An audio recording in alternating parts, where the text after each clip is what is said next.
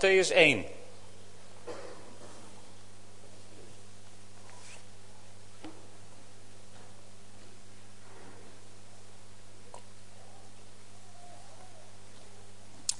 Matthäus 1, vers 1.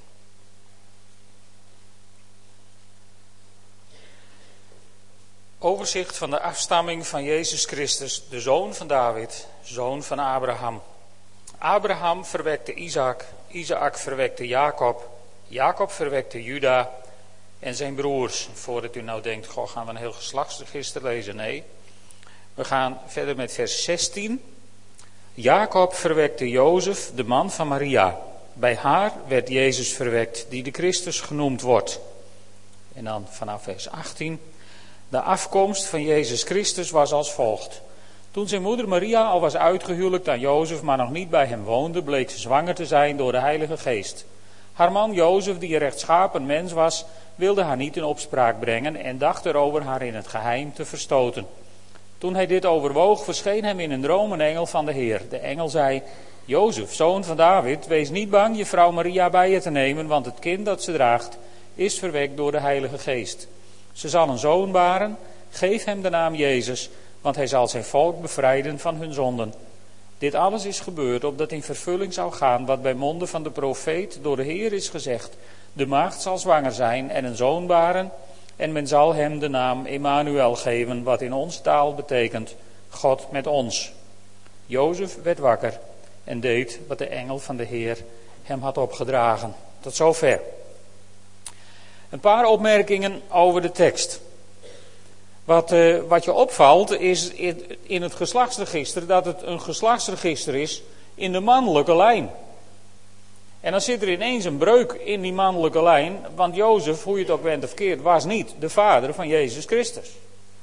En in de nieuwe Bijbelvertaling kun je dat ook, ook zien. Jacob verwekte Jozef, de man van Maria, en bij haar werd Jezus verwekt, die de Christus genoemd wordt. De vraag die dan rijst, als het er zo expliciet wordt neergezet, van en door wie dan? En dat antwoord, dat krijg je twee versen later. Door de Heilige Geest. Vers 18. Tenminste, dat beweerde Maria. Maar eh, als we ons even verplaatsen in de tijd van toen, dan is het goed om, om, om eens even in de huid van Jozef te kruipen. Stel je voor, je bent verloofd en je houdt zielsveel van je verloofde. En op een dag is je verloofde zwanger. Maar je hebt je biologische kennis op orde, dus je weet één ding zeker. Dit kan niet van mij zijn. Want het staat er heel expliciet van. Ze was, uh, ze was uitgehuwelijkt, weliswaar, aan, uh, aan Jozef. Maar ze woonden nog niet bij hem. Met andere woorden, ze waren nog niet getrouwd en in die tijd was ongetrouwd samenwonen niet aan de orde. Dat past gewoon niet in het beeld van God. Hoe je het ook wendt of keert. En hier heb je dan weer zo'n Bijbeltekst waar je dat kunt zien. En, en seksuele relaties buiten het huwelijk of voor het huwelijk waren in die tijd ook niet aan de orde. Dat past niet in het plan van God. Hoe je het ook wendt of keert en hoe modern je tijd ook geworden mag zijn. God mag dan misschien ouderwet zijn, maar wel degelijk. En hij blijft bij zijn regels. En, en Jozef, die zit nu in zo'n situatie. Kun je je voorstellen, ik, ik, denk dat de tijd niet zoveel anders was hoor. De, moraal onder de mensen was volgens mij niet zoveel verschillend van de moraal van vandaag. Volgens mij zit er weinig evolutie in de moraal van mensen. En, en ik denk, het is natuurlijk heel lang zo geweest dat, dat als, je, als je 50 jaar geleden, 60 jaar geleden, als je dan uh, lid was van een kerk in Nederland en, en, en je had verkering en je had de pech dat zij zwanger werd dan werd er schande over je gesproken. Dan maakte je de familie tot schande en je moest voor de kerkraad verschijnen en je moest voor de hele kerk schuld beleiden en boete doen. En al die anderen die het stiekem ook deden en geluk hadden dat er niemand zwanger werd, die hoefden dat niet. Dus er zit wat een dubbele moraal in en dat was volgens mij in die tijd net zo. En Jozef, Jozef die houdt van Maria en dan is Maria zwanger En dan, dan ik denk dat, dat, dat Jozef, ja, dat Jozef ook van zijn moeder het leksem gelezen heeft gekregen. Dat hij de familie tot schande maakte. En misschien zijn de ouders van Maria ook wel woedend op, op, op Jozef geweest. En op Maria. En, en ik denk dat de vrienden van Jozef en mensen die hem tegenkwamen en de klanten van zijn timmerwinkel misschien ook wel hebben gedacht: Ach, Jozefie, Jozefie, kon je niet wachten? En, en zo hebben ze hem, hem overladen met verwijten. En er was voor Jozef een hele simpele weg om daar een eind aan te maken. Hij had gewoon kunnen gaan staan en zeggen van nou zal ik jullie één ding vertellen. Dit kind is niet voor mij. Dan had hij Maria naar de oudsten van de stad gebracht. Dan was ze gestenigd en dan was Jozef vrijman geweest. Was hij van het hele gedoe verlost. En hij had de wet aan zijn kant om het zo te doen. En dan zien we Jozef. En Jozef, dan staat er in vers, uh, vers 19 geloof ik. In vers 19 staat, haar man Jozef, die een rechtschapen mens was, wilde haar niet in opspraak brengen. En dacht erover, ja, in opspraak brengen. Het is een eufemisme hoor, want als hij haar in opspraak had gebracht, was het haar dood geweest. Maar dan staat er, Jozef wilde haar in het geheim verstoten. Met andere woorden, Jozef wilde de indruk wekken dat hij er van tussen ging en Maria met een kind liet zitten. Hij was bereid om alle schande die er in deze situatie was. En, en wij onderschatten volgens mij dat vaak hoor, in die cultuur. Maar Jozef was bereid om alle schande die deze situatie met zich meebracht, op zich te nemen. Kijk, de simpelste weg was gewoon trouwen. Ja, dan zei iedereen misschien, ja, ze moesten trouwen. Nou ja, oké, dan haalt iedereen de schouders op en denkt, nou, braaf geweest, netjes getrouwd, eh, niet meer over praten. Maar Jozef, dat kon hij niet. Dat kon hij niet over zijn hart verkrijgen. En, en ik kan me dat best voorstellen. Als je verloofd bent en je denkt dat een, een, een meisje zich voorbereidt om jouw vrouw te worden. En ze is dan ineens zwanger. Kennelijk van iemand anders. Dat is een diepe teleurstelling. Een diepe geestelijke pijn moet Jozef geleden hebben in deze situatie. En dan, dan kiest Jozef er niet voor om wraak te nemen op Maria. Maar hij kiest ervoor om alle schuld op zijn schouders te nemen. Om drager te worden van de schande. Daarmee is hij eigenlijk als, als vader van de Heer Jezus. God heeft wel geweten wie die uitkoos volgens mij. Daarmee is hij eigenlijk een prachtig beeld geworden van wat Jezus Christus later voor ons heeft gedaan. In 2 Korinthe 5, vers 21, daar lezen we: God heeft hem, die de zonde niet kende, voor ons één gemaakt met de zonde, zodat wij door hem rechtvaardig voor God konden worden. Eigenlijk is dat wat Jozef hier bereid was te doen. Hij, die niks verkeerds had gedaan in deze situatie, was bereid om alle schuld op zich te nemen, zodat Maria eigenlijk in de slachtofferrol kon kruipen en nergens geen last meer van zou hebben en hij zou de schande dragen. Is dat niet wat Jezus Christus later voor ons heeft gedaan toen hij aan het kruis ging en al onze schuld op zich nam, zodat wij zonder zonde voor God kunnen staan? Een prachtig voorbeeld geeft de, de pleegvader van Jezus Christus hier. Alleen God grijpt in in deze situatie. En er verschijnt een engel aan, Jozef en die maakt hem duidelijk, Jozef, dat verhaal van Maria, al hoe ongeloofwaardig het ook klinkt, maar het is waar wat ze zegt. Het kind is van de Heilige Geest. En Jozef die gelooft en Jozef gehoorzaamde. In vers 24 hebben we gelezen dat Jozef wakker werd en deed wat de engel had gezegd. Het was wel een uniek span mensen, deze twee. Maria, die die kreeg de aankondiging dat ze zwanger zou worden van de Heilige Geest.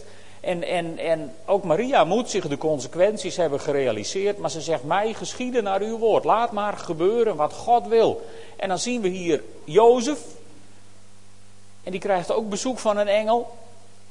En, en die gehoorzaamt gewoon wat de engel hem heeft opgedragen. De gehoorzaamheid van deze twee mensen is heel cruciaal geworden in, in, in de geboorte van Jezus. En het feit dat hij een thuis zou hebben bij een vader en een moeder. En die gehoorzaamheid van Jozef is, is denk ik ook een, een goed voorbeeld voor ons. En weet je, zoals Jozef door met Maria te trouwen haar positie redde, want daardoor werd ze niet een ongehuwde moeder, maar werd ze een gerespecteerde vrouw van de timmerman uit het dorp. En die hadden een kindje, weliswaar een beetje aan de vroege kant, maar dat gebeurde waarschijnlijk wel vaker. Dus dat was iedereen nog wel bereid om te vergeven. Jozef redde de positie van Maria zoals Jezus aan het kruis onze positie ten opzichte van God heeft gered. En, en dat zou Jezus ook doen. Want in vers 21 staat wat heel moois. In vers 21 staat: Ze zal een zoon baren, geef hem de naam Jezus, want hij zal zijn volk bevrijden van hun zonden. Mooi hè? Jezus Christus kwam naar deze wereld om ons te bevrijden van onze zonden.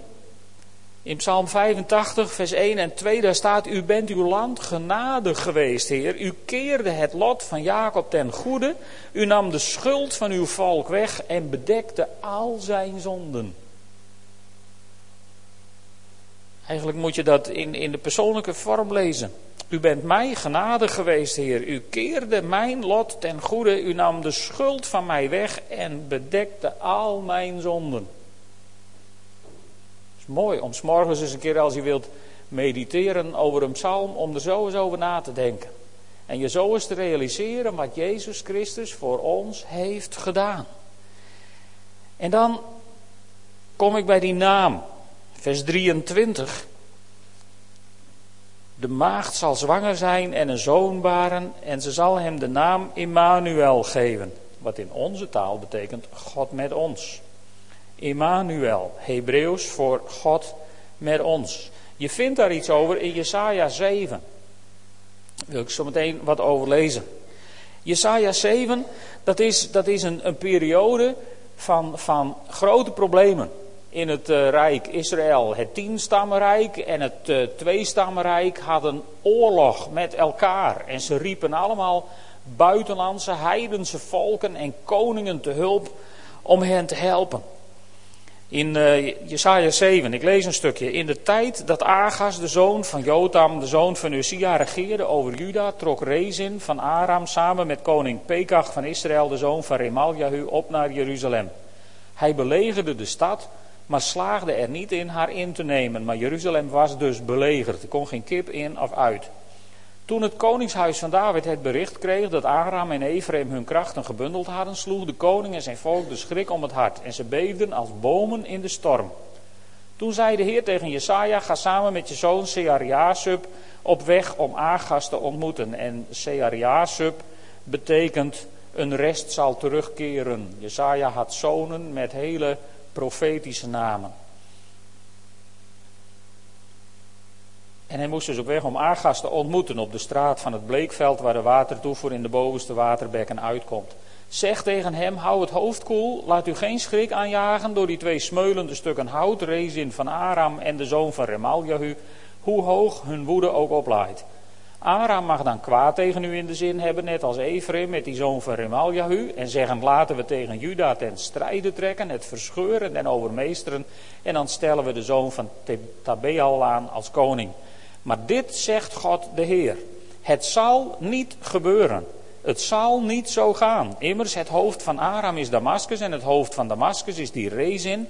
Nog 65 jaar en het volk van Ephraim bestaat niet meer. Het hoofd van Ephraim is Samaria en het hoofd van Samaria is die zoon van Remaljahu. Alleen als jullie vertrouwen hebben, houden jullie stand. Dit, dit is een zinnetje dat zou je moeten onderstrepen in je Bijbel. Hè? Alleen als jullie vertrouwen hebben, houden jullie stand. De Heer liet verder tegen Aga zeggen: Vraag om een teken van de Heer uw God. Het zij uit de diepte van het dodenrijk, het zij uit de hoge hemel. Maar Aga's antwoordde: Nee, ik zal de Heer geen teken vragen. Ik zal de Heer niet op de proef stellen. Toen antwoordde Jesaja: Luister, huis van David. Is het niet genoeg de mensen te tergen? Moet u nu ook mijn God tergen? Daarom zal de Heer u zelf een teken geven. De jonge vrouw is zwanger. Zij zal spoedig een zoon baren en hem Immanuel noemen. Boter en honing zal hij eten totdat hij in staat is om het kwade te verwerpen en het goede te kiezen. Want voordat de jongen in staat is om het kwade te verwerpen en het goede te kiezen, zal het land van de beide koningen die u zoveel angst inboezemen, ontvolkt zijn. Immanuel, hier komt die profetie vandaan, die Matthäus aanhaalt. En wat is de situatie? De situatie hebben we eigenlijk gelezen. Het tienstammenrijk heeft eh, een verbond gesloten met Aram, zeg maar tegenwoordig Syrië. En, en die contraien, die waren toen ook al tegen Israël. En die zijn opgetrokken om Jeruzalem te belegeren. En zo is Jeruzalem belegerd. En uh, koning Agas, die wil een verbond sluiten. Ja, ook met een ander. Die probeert ook zijn hulp ergens in te kopen. Behalve bij God. En dan komt Jesaja op bezoek. Dan komt de profeet op bezoek.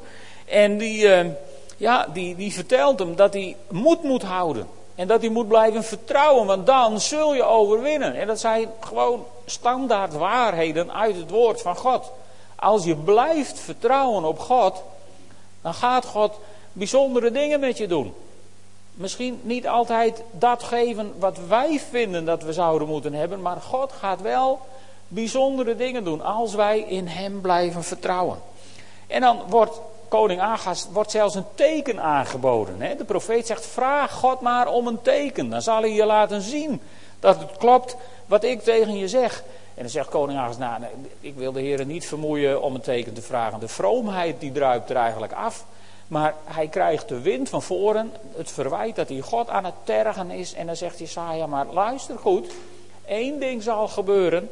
De jonge vrouw zal zwanger worden en een zoon baren en hem Immanuel noemen. Daar zijn een paar dingen nog over te zeggen.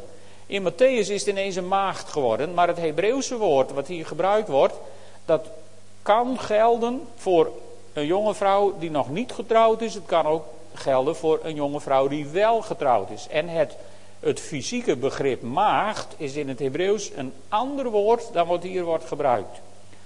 Dus het zou een jonge vrouw kunnen zijn in die tijd die met de koning was getrouwd. Sommige mensen zeggen, ja nee, dit is de voorspelling van de geboorte van Hiskia. Maar uit geschiedkundig achtergrond weten we dat Hiskia al een jaar of tien was toen deze profetie werd uitgesproken. Dus dat gaat niet. En wie het dan wel was, dat weten we niet. Eén hoofdstuk verder lezen we dat Jesaja net getrouwd is met de profetes en gemeenschap met haar heeft. En dan krijgt zij een zoon, alleen die wordt geen Emmanuel genoemd. Dus het kan niet de vrouw van Jesaja geweest zijn. Mogelijk kan het een van de vrouwen van koning Agas geweest zijn. In ieder geval is het een profetie over de geboorte van de Heer Jezus. Alleen daar had koning Agas op dat moment niks aan. Hè? Als, als God zegt, ja nou ik zie dat jij diep in de prut zit. En weet je wat, ik ga jou een teken geven om je te bemoedigen dat het goed komt. Dan schiet je er weinig mee op als dat teken 2500 jaar later plaatsvindt. Laten we eerlijk zijn, want dan ben je er niet meer bij. Dus er moet ook in die tijd iets geweest zijn. En wat er precies gebeurd is, dat weten we niet. Kennelijk vindt God het ook niet zo belangrijk dat we dat weten. Maar wat God wel belangrijk vindt, is dit: dat God met ons is. Waarom anders die prachtige naam Immanuel? Immanuel. In, in het volgende hoofdstuk van Jesaja komen we hem namelijk nog een keer tegen. In hoofdstuk 8, vers 8. En daar gaat het erover dat ook het volk van, van Juda, dus het rijk van Agas, ook onder grote druk zal komen te staan. En dan staat er in vers 8, ze zullen Juda binnendringen en het overspoelen, zodat het water ieder tot de lippen stijgt. Ze zullen je land over de volle breedte overvleugelen. Immanuel staat er dan ineens achter. Het is een beetje cryptisch, zoals het er staat. Maar wat ik, wat ik zo ontzettend bemoedigend vind, als je naar dit, dit vers, naar dit ene vers kijkt, hè, dit, dit, dan zou je er, er een regeltje uit kunnen halen. Als het water ieder tot de lippen stijgt, dan nog Immanuel. Ik ken niet al jullie situaties, er zijn ook heel veel gasten. Maar soms kun je in het leven in een situatie terecht zijn gekomen dat het water je tot de lippen staat. Of niet? Die zijn allemaal zo stil. Maar soms kun je in een situatie komen dat je het gevoel hebt dat het water je tot de lippen staat. En dat je denkt, help heer, ik kom om, ik ga eronder, ik, ik verlies het. Het water staat me tot de lippen.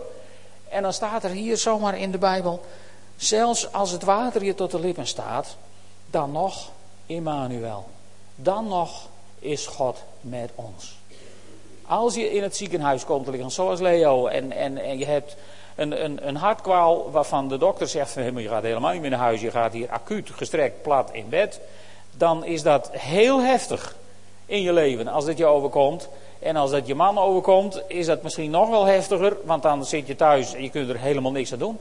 En, en jullie hebben gemerkt, Emmanuel, God met ons. En, en als je een kindje krijgt, zoals Bouke en Betania, dan is dat een hele spannende situatie. En dan, dan heb je daar ineens, wordt er zo'n klein eh, friemelig leventje aan je toevertrouwd. En, en, en er zijn er nog al een stuk of wat eh, dit jaar geboren.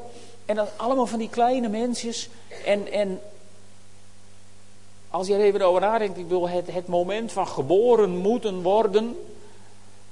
Het is maar goed dat je daar niet met je volle verstand bij bent als volwassene, want het lijkt mij een, iets om claustrofobisch van te worden.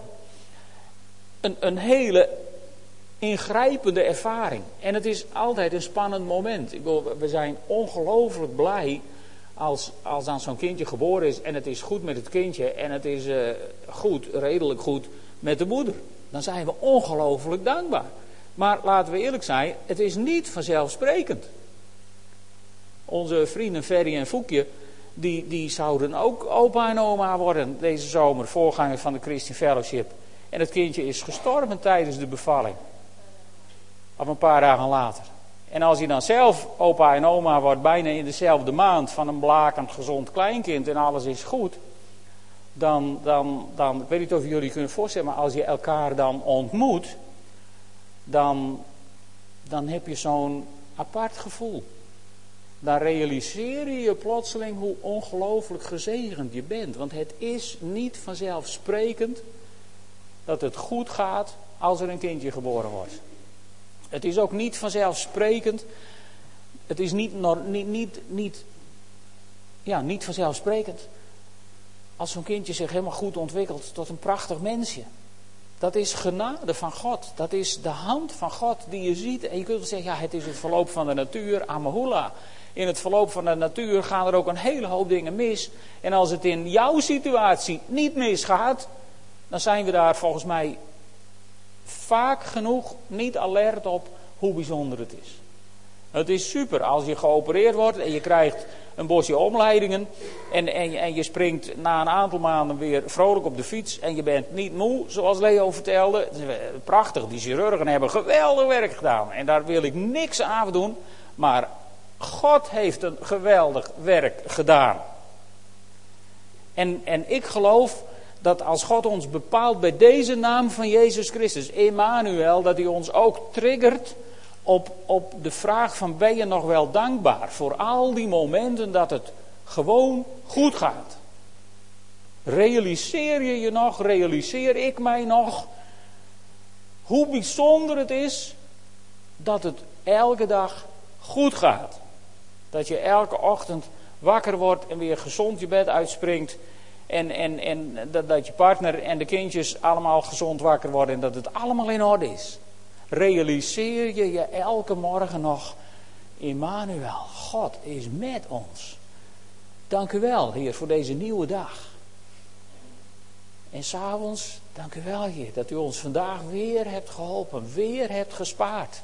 Want het is niet vanzelfsprekend dat het altijd alleen maar goed gaat. Het is genade. Het is zegen ten voeten uit. Het is ontelbare, onschatbare rijkdom als je zo in de hand van God mag leven. En dat is een van die namen die Jezus Christus heeft gekregen toen hij geboren werd. God met ons. Weet je, wij zijn op reis met God, hebben we met elkaar afgesproken. Dat willen we graag. Heel vaak lijkt het er in ons leven meer op dat God met ons op reis moet. Maar de bedoeling is dat wij op reis zijn met God. En als je op reis bent met God, is God met je. En als je op reis gaat en denkt, nou, ik hoop dat God maar met mij meegaat op de koers die ik ga, is het nog maar de vraag of Emmanuel van toepassing is. Maar als je in een situatie komt in je leven, en dat is denk ik vandaag de bemoedigende boodschap zo vlak voor kerst. In deze tijd van verwachting, als het water je tot de lippen staat en als je misschien in een situatie zit waarvan je de uitkomst op dit moment niet kunt overzien en niet weet van hoe het komt, dan mag je één ding weten. Jezus Christus kwam naar deze wereld en hij droeg die bijzondere naam, Emmanuel. God is met ons. Hoe je situatie er ook uitziet, in wat voor omstandigheden je ook verkeert, en al staat het water je ook tot de lippen. God is met ons. Daarom kwam Jezus naar deze wereld, om ons dat te laten weten, om ons daarvan te overtuigen, om dat diep in onze hersenen in te graveren. Hé, hey, ik ben met jullie en ik ben gekomen om deze wereld te redden. Stond in, in de nieuwe visie, las ik een prachtig stukje, begin, eind van deze week, een prachtig stukje waarin even gerefereerd werd aan, aan de affaire met de paarden eh, op het Buitendijkse land. Misschien hebben jullie het ook al gelezen. Er stond zo'n prachtig verhaaltje over die paarden die daar door het hoge water werden gevangen. En, en door die paar ruiters werden, eigenlijk werden gered. En er stond bij in het verhaaltje, paarden vang je dus met paarden. En mensen vang je met mensen. En dat heeft God geweten. Mensen vang je met mensen. Je kunt mensen alle engelen van de wereld laten ontmoeten. En er zijn genoeg mensen die engelen hebben gezien. Je kunt mensen alle wonderen en tekenen laten beleven die je je maar kunt bedenken en die je maar kunt wensen. Je kunt mensen allerhande extreem charismatische ervaringen laten beleven die je maar zou willen. Je kunt mensen alle gaven van de Heilige Geest laten beleven en het is allemaal geweldig als het je beleeft. Maar er is maar één ding wat ons redt en bij God brengt. En dat is die ultieme ontmoeting met de Zoon van God, Jezus Christus. En al die andere dingen, dat is allemaal geweldig en dat is allemaal prachtig en daar is niks mis mee. Maar als de basis van je geloof niet is die ontmoeting met Jezus Christus. Als de basis van je geloof niet is dat je knielt aan de voet van het kruis en zegt: Heer, ik ben een zondaar. En het water staat me tot de lippen. En ik zie voor de eeuwigheid, ik zie er helemaal geen brood in. Ik zou niet weten hoe ik behouden moet worden. Heere, help. Dan mag je één ding weten. Immanuel. God is met ons. Hij redt je voor de eeuwigheid. Hij redt je in de situaties waar je nu in zit. Het wil niet zeggen dat hij ze altijd allemaal voor je oplost. Heel veel dingen moet je ook zelf oplossen en dan moet je zelf hard aan werken. Maar al moet je er nog zo hard aan werken. En al word je er nog zo moe van. En al word je misschien nog zo moedeloos in de situatie waar jij in zit. Eén ding wil ik je meegeven. Op deze laatste zondag voor de kerst. Immanuel. God is met ons. God is met jou. Amen. 这个什么？